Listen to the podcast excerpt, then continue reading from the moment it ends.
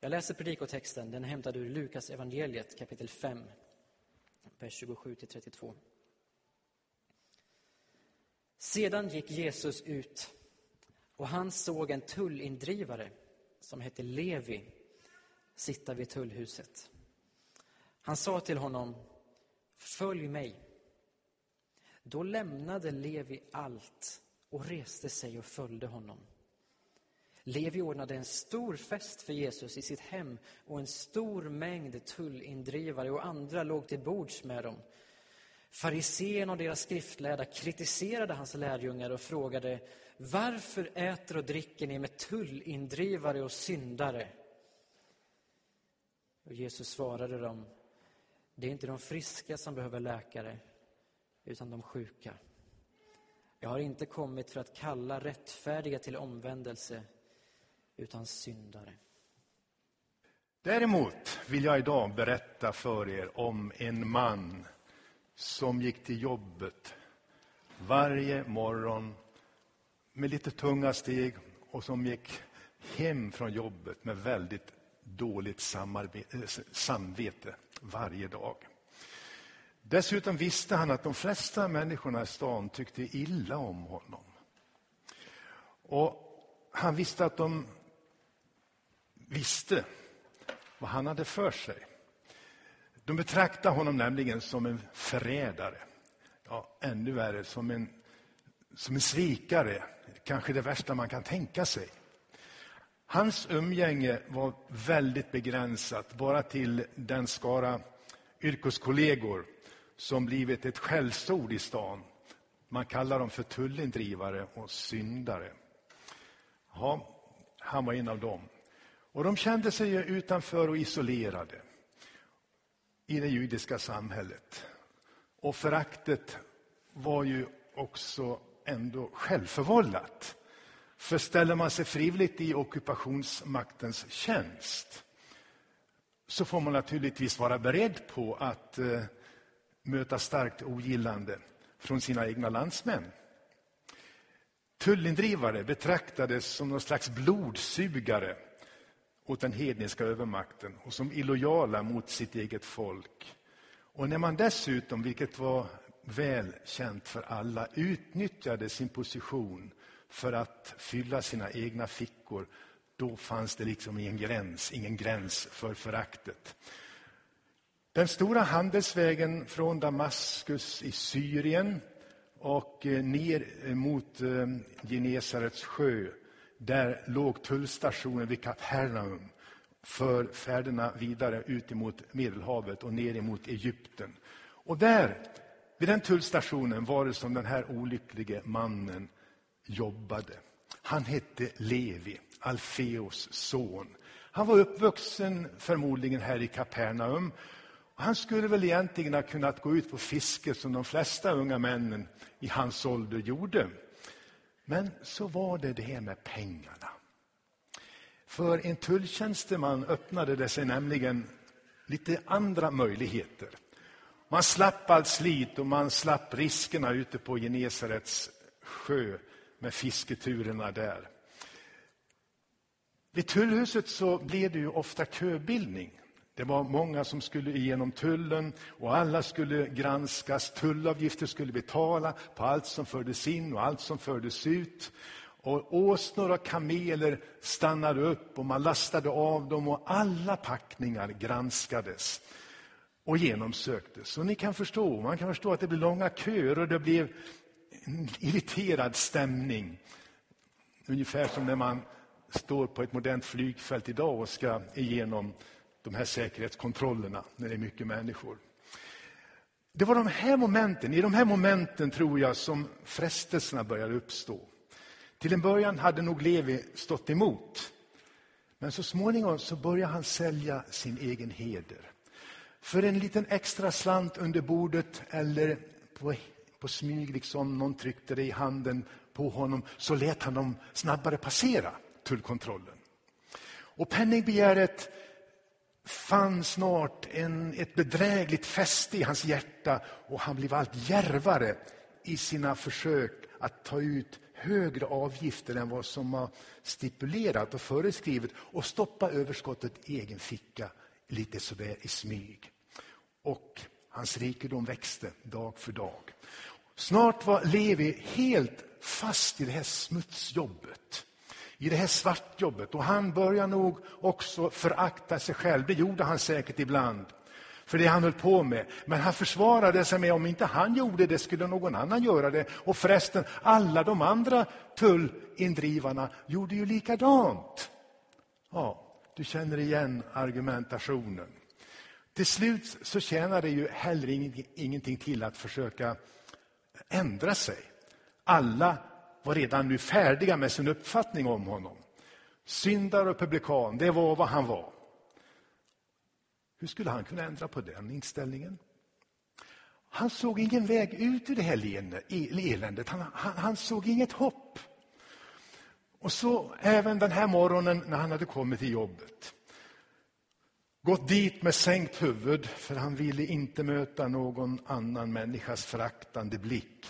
Och det var egentligen ingen som hälsade på honom heller för den delen. Och det var han van vid. Men nu ännu en dag skulle han stå där i tullhuset och mötas av de här irriterade kommentarerna och de här otåliga blickarna. Ännu en dag skulle han låna sig till det, till det, låna sig till det smutsiga, oärliga försökt att fuska till sig extra pengar, mygla. Och de här oärliga pengarna skulle sedan på vägen hem bränna i hans fickor. Men Levi hade ingen aning om att just den här dagen skulle bli en helt annorlunda dag. Ja, den största dagen i hans liv. Och han var så totalt omedveten om vad som nu skulle hända. Och med så annorlunda steg han skulle komma att gå hem ifrån jobbet den här dagen. Hur lite hade han kunnat föreställa sig där han satt så skamsen vid tullhuset på sin tjänsteplats för i ockupationsmaktens tjänst. Hur lite kunde Levi, Alfeus son, ana att han skulle bli en av världshistoriens mest lästa författare. Ja, det fanns inte i hans vildaste drömmar eller fantasier att han så långt som 2000 efter sitt eget liv fortfarande skulle vara en av de mest lästa författarna i världen. Kan du tänka dig? I tullhuset den där morgonen började surra rykten om att profeten Jesus från Nasaret rörde sig i trakten. Och det blev lite extra uppståndelse. Och Levi blev ju både lite nyfiken och nervös. Det han hittills hade sett omkring Jesus, och det han hade hört om honom, hade på något sätt ingivit honom hopp och förundrat honom. Vilka märkliga under! Där i Kapernaum hade ju Jesus nyligen rört vid en spetälsk man och helat honom. Rört vid en spetälsk. Och alldeles nyligen hade han hört hur Jesus i ett hus där han hade varit så mycket folk och man hade sänkt ner en lam man framför Jesus. Och Jesus hade förlåtit mannens synder och bjudit honom att stå upp och gå hem fullt frisk. Så märkligt detta var. Och när han hade lyssnat till Jesus så hade han känt någonting hoppfullt. Trots sin usla livssituation. Det fanns någonting rent och någonting attraktivt i den mannen. Och han förkunnade sin lära med kraft och auktoritet. inte som rabbinerna, de skriftlärda som man var van vid. Som, som talade mer på ett hårt och självtillräckligt sätt så att de kände sig fördömda, men inte av Jesus. Nej, nej, nej. Sådana som han, syndare och publikaner, hörde honom gärna, står det. Till allt detta kom att han hade hört det märkliga att Jesus hade uppmanat fyra av de där fiskarpojkarna nere vid Genesarets strand i grannbyn att följa honom. Kan du tänka dig? Jesus hade brytt sig om fyra enkla fiskarpojkar och de hade börjat följa honom. Hoppet hos Levi hade börjat växa. Det hade känts eh, intressant att få komma närmare den Jesus. Levi skulle gärna vilja höra honom igen, om också på avstånd. Men han var attraherad. Just som Levi sitter där den där dagen utanför tullhuset, försjunken i de här tankarna, så märker han hur trängseln och kön hopar sig fram mot tullhuset. Och snart nås han av budet att profeten Jesus är i annalkande och Levi hinner, hinner inte bestämma sig hur han ska bete sig, om han ska resa sig upp och bege sig närmare profeten där någonstans. Och han hinner inte bestämma sig, för plötsligt så står mästaren alldeles framför honom och fäster sina ögon på honom med en blick som samtidigt är både genomträngande och så kärleksfull. Så Levi kommer helt av sig. Och så hör han honom säga de, så, de två korta men så oerhört laddade och lovvärdiga, oväntade orden Följ mig. Följ mig. Och först undrar ju Levi om han verkligen kunde han, han menar han mig? Det kan väl inte vara mig han menar? För Jesus måste väl ändå veta vem jag är, tänkte Levi, och vad jag håller på med. Han känner väl till det här smutsiga jobbet och de oärligheter som jag lånat mig till och som jag nyligen förresten just har gjort, även idag. Och så kommer han och säger, följ mig. Men Jesus bara står där och tittar på honom med en blandning av fasthet och kärlek i blicken. Han menar tydligen allvar. En sån blick hade Levi aldrig tidigare mött. Han upplever hur nåd träffar hans hjärta och de två starka fantastiska orden följ mig liksom uppslukar i ett enda ögonblick hela hans gamla sorgliga, skamliga liv. Som om det vore borta. Jesus menar mig. Han menar allvar. Han vill ha med mig att göra. Levi behövde ingen betänketid. Han reste sig upp, han lämnade tullhuset där det står, han lämnade allt. Och det var mycket han hade ackumulerat. Och han hade nått en bra bit in på karriären. Men nu lämnar han allt det. Det var en oerhörd dag. Ryktet spred sig snabbt i byn. Har ni hört vad som har hänt?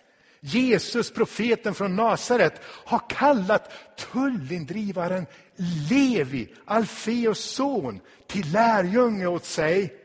Han har kallat Levi. Och de självrättfärdiga, de ryggade tillbaka. Och de förstärktes i sin uppfattning om att Jesus, han kunde inte vara sänd av Gud. Eftersom han inte ens förstod vilken sorts människa den där Levi var.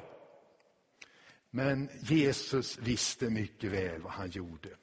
Och han visste vad han skulle göra med det material som han nu genom Levi hade fått i sina händer som sin efterföljare. Jesus hade sett det självförakt och den skam som hade plågat den stackars tullindrivaren där han satt och genomled dag efter dag. Men Jesus visste också att denne föraktade tullindrivare skulle kunna bli ett mycket tjänligt instrument för den skrivna berättelsen om Herren Jesus Kristus som skulle nedtecknas en hel värld till välsignelse.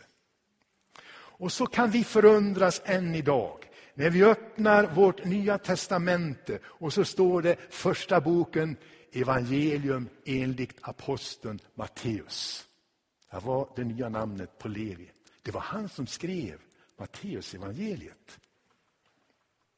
Matteus arbetade vid tullhuset och det hade varit bra i den bemärkelsen också att han hade utvecklats till ett mycket lämpligt instrument för att bli en författare, en delförfattare av Nya Testamentet. Han lärde sig flera språk där han stod och mötte människor från olika kulturer. Och han lärde sig, utvecklade sin förmåga att skriva och föra anteckningar och räkenskaper.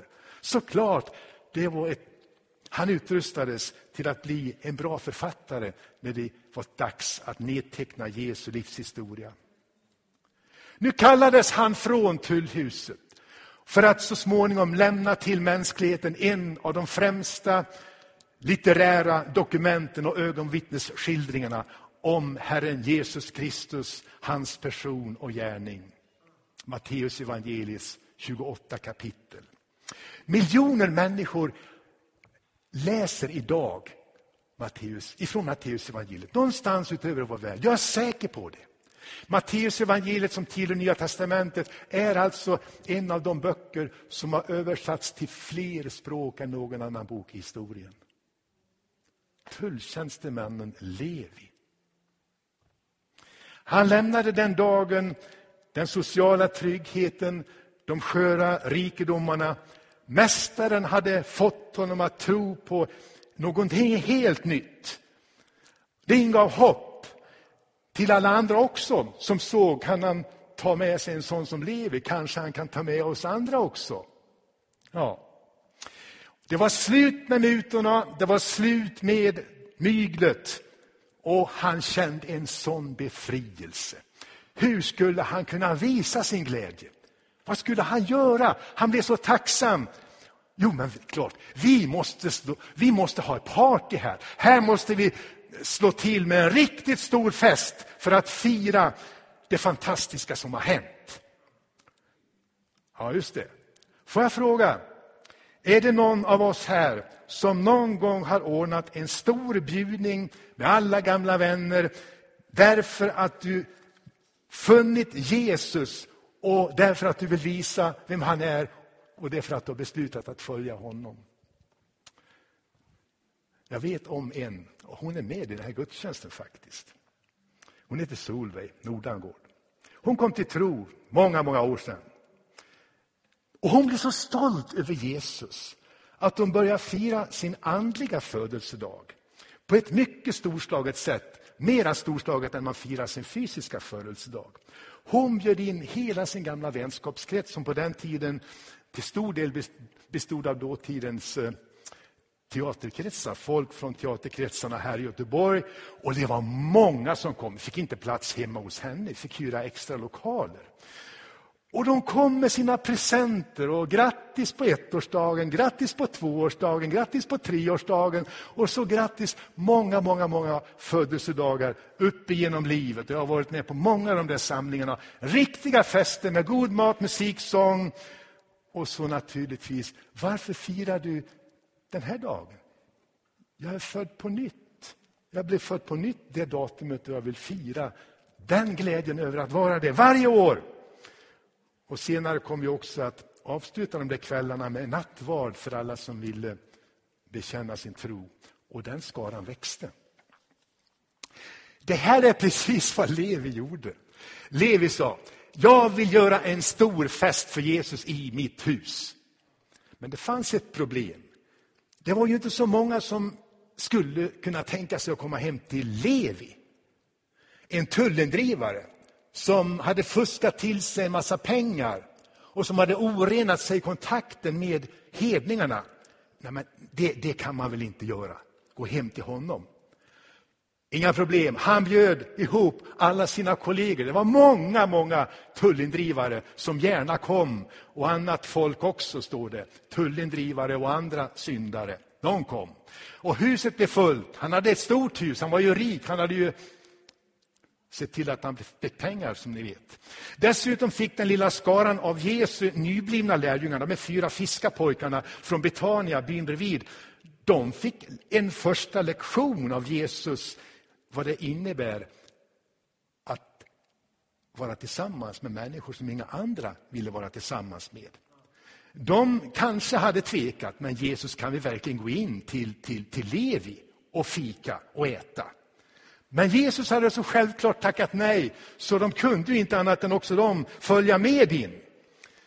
En del hade fördomar om det här, men de såg att Jesus hade bejakat.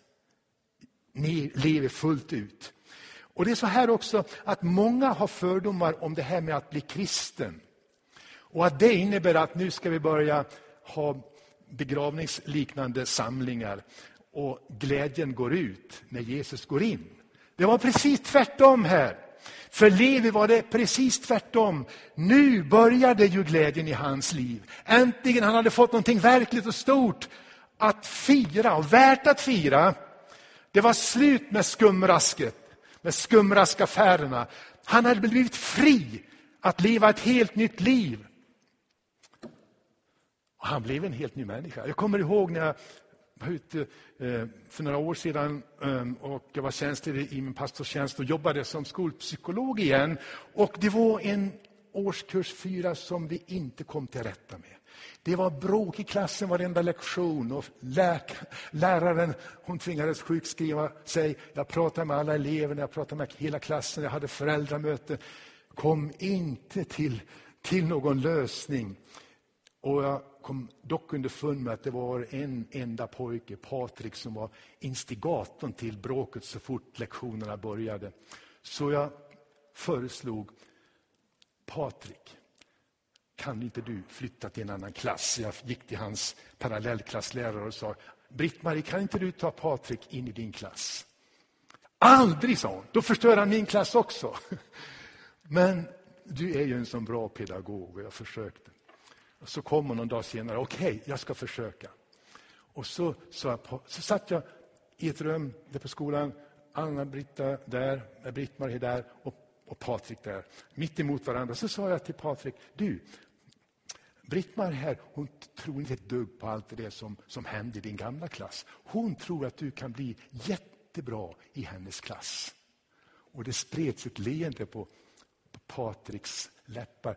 För jag sa, eller hur, visst är det så, Britt-Marie? Ja, sa hon. Och, och så tog hon till sig Patrik.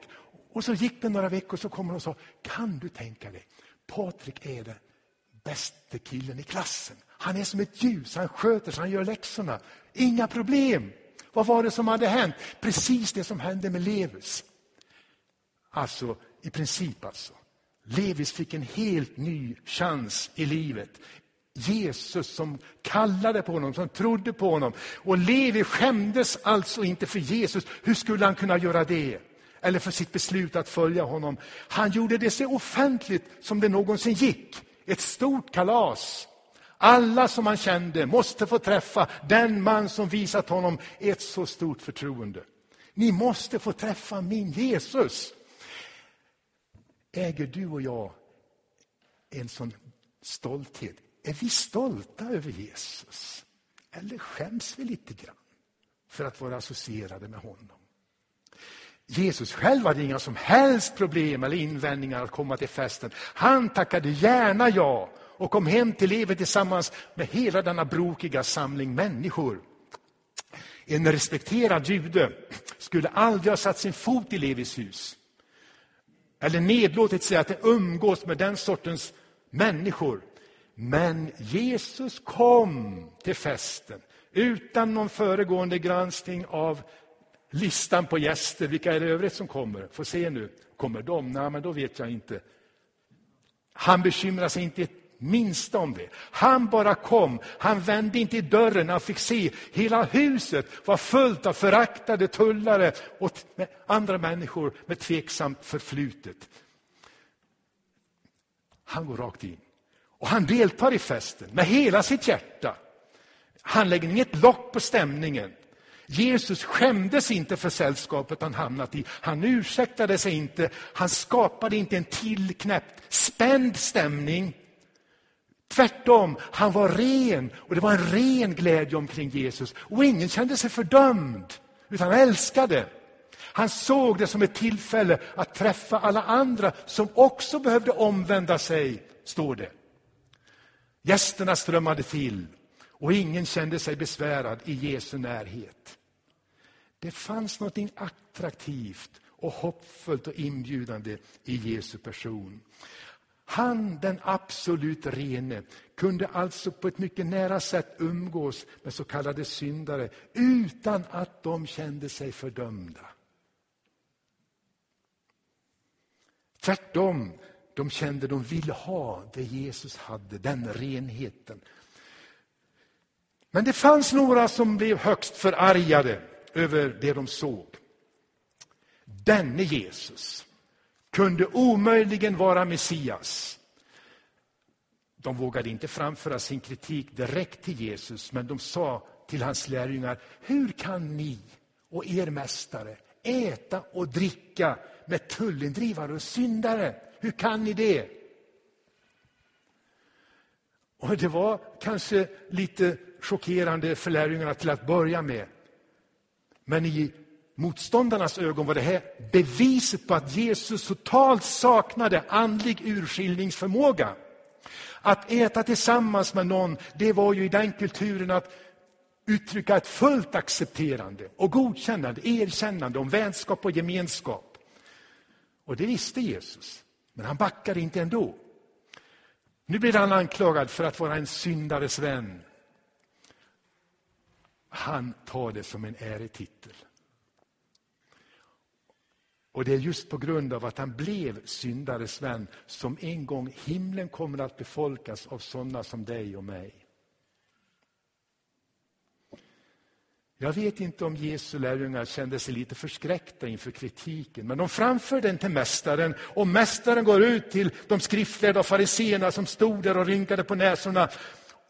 Han ursäktade sig inte. Han sa att hans uppdrag innebar det är väl inte de friska som behöver läkare? Är det det? Det är ju de sjuka, eller hur? Och jag har inte kommit för att kalla rättfärdiga, utan jag har kommit för att kalla syndare till omvändelse.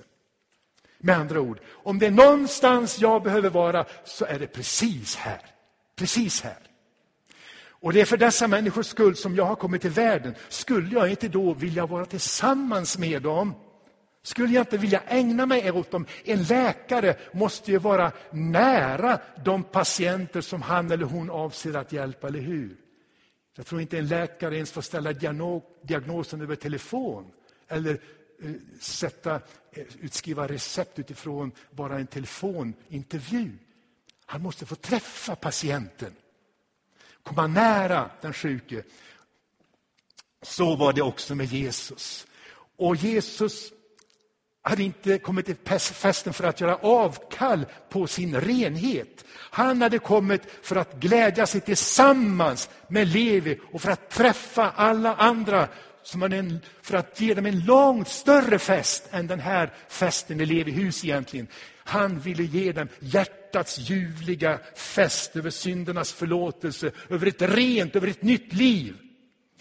Äger du den festen inom dig? Vi ska snart fira den runt nattvardsbordet. Har du låtit Jesus bli din läkare och hela dig från syndens skador som har drabbat dig?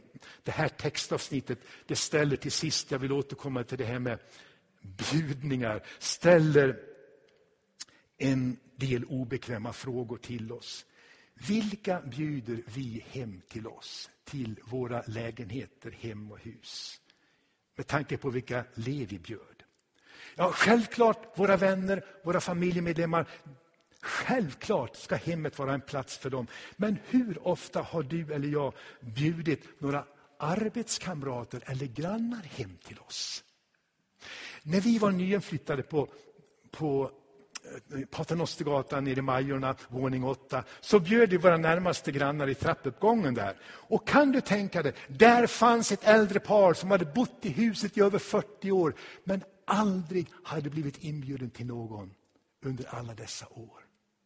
De satt och njöt.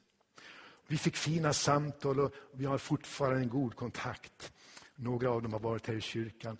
Tröskeln till kyrkan blir lägre Annars kan vara hög, men till hemmet är alltid tröskeln låg. Oerhört många människor i vår värld är i vår tid helt utan hem. Hemlösa, flyktingar. Du och jag äger idag ett hem.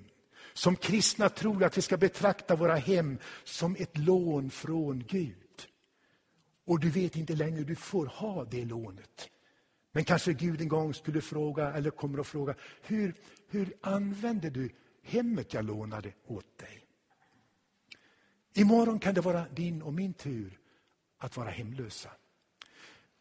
Visst är våra hem i första hand till för vår egen skull, men tänk om vi skulle börja använda dem mera som ett redskap i Guds tjänst. Det står, var ivriga att visa gästfrihet. Du kan till och med få änglar till gäster, står det. Utan att veta om det. Och då kan man inte bjuda dem bara som man känner, för de är, vet man ju redan att de inte är några änglar. Så om du vill ha änglar till gäster, då måste du bjuda andra som du ännu inte kanske känner så mycket. Det är bra att möta människor i Brunnsparken, men det är någonting helt suveränt stort att få se människor komma in i ditt eget hem och de får sätta sig ner och bli bjudna på någonting och bli betjänade. Fördomsfulla uppfattningar om den kristna tron kan raseras och steget till kyrkan kan bli kortare och trösklarna lägre. För många flyktingar i vårt land och invandrare i vårt samhälle skulle det vara oerhört stort att få komma in i ett svenskt hem. Vet du att många invandrare har bott här i Sverige, kanske i årtionden, utan att någon gång komma innanför svenska hem och dörrar. Vi som är här idag kanske representerar åtminstone ett hundratal hem, vilket är hundra utmärkta platser, mötesplatser för gästvänlighet och gemenskap det som kan erbjudas. Tänk om vi skulle besluta oss det är upp till var och en. Men tänk om vi skulle göra det. Vi hundra, eller vad vi är här idag. Om vi skulle besluta oss innan jul, under hösten, ska vi bjuda hem någon granne, någon arbetskamrat. Det betyder plötsligt hundra människor får komma till ett hem där Jesus bor och där du finns med din kristna tro. Jag tror våra hem kan vara den förnämsta platsen att föra människor närmare tron på Kristus. För förr eller senare, man blir ju lätt bjuden tillbaka som du vet, så vänskapen fördjupas och förr eller senare så kommer säkert samtalet att handla om honom. Öppna ditt hem av tacksamhet för vad Jesus har gjort i ditt liv.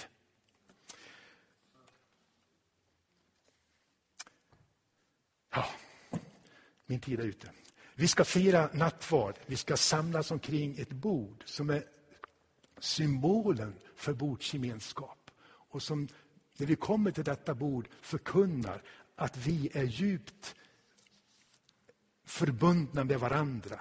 Vi kan inte gå ut från detta bord och tala nedlåtande om varandra. Vi har bekänt vår syskonkärlek på högsta tänkbara nivå. Och den store läkaren är här för att möta dig vid detta bord som vittnar om att han har gjort allt för att du ska vara helad från dina synder. Genom hans sår blir vi helade. Församlingen är en sjukstuga för syndare som behöver omplåstras. Och det är nattvarden en sån stund vi får möta hans nåd och kärlek på ett särskilt sätt. Vi prisar dig Herre för att du också känner våra arbetsplatser eller där vi bor som pensionärer och vårt grannskap. Vi vill som församling anta den här utmaningen, hoppas jag och ber jag. Kanske skulle man kunna bjuda hem några grannar en kväll. Eller en eftermiddagsfika, eller bjuda hem några arbetskamrater. Och låta dem se, det här är jag, här bor jag, så här lever jag. Herre, ge någon uppslag här idag.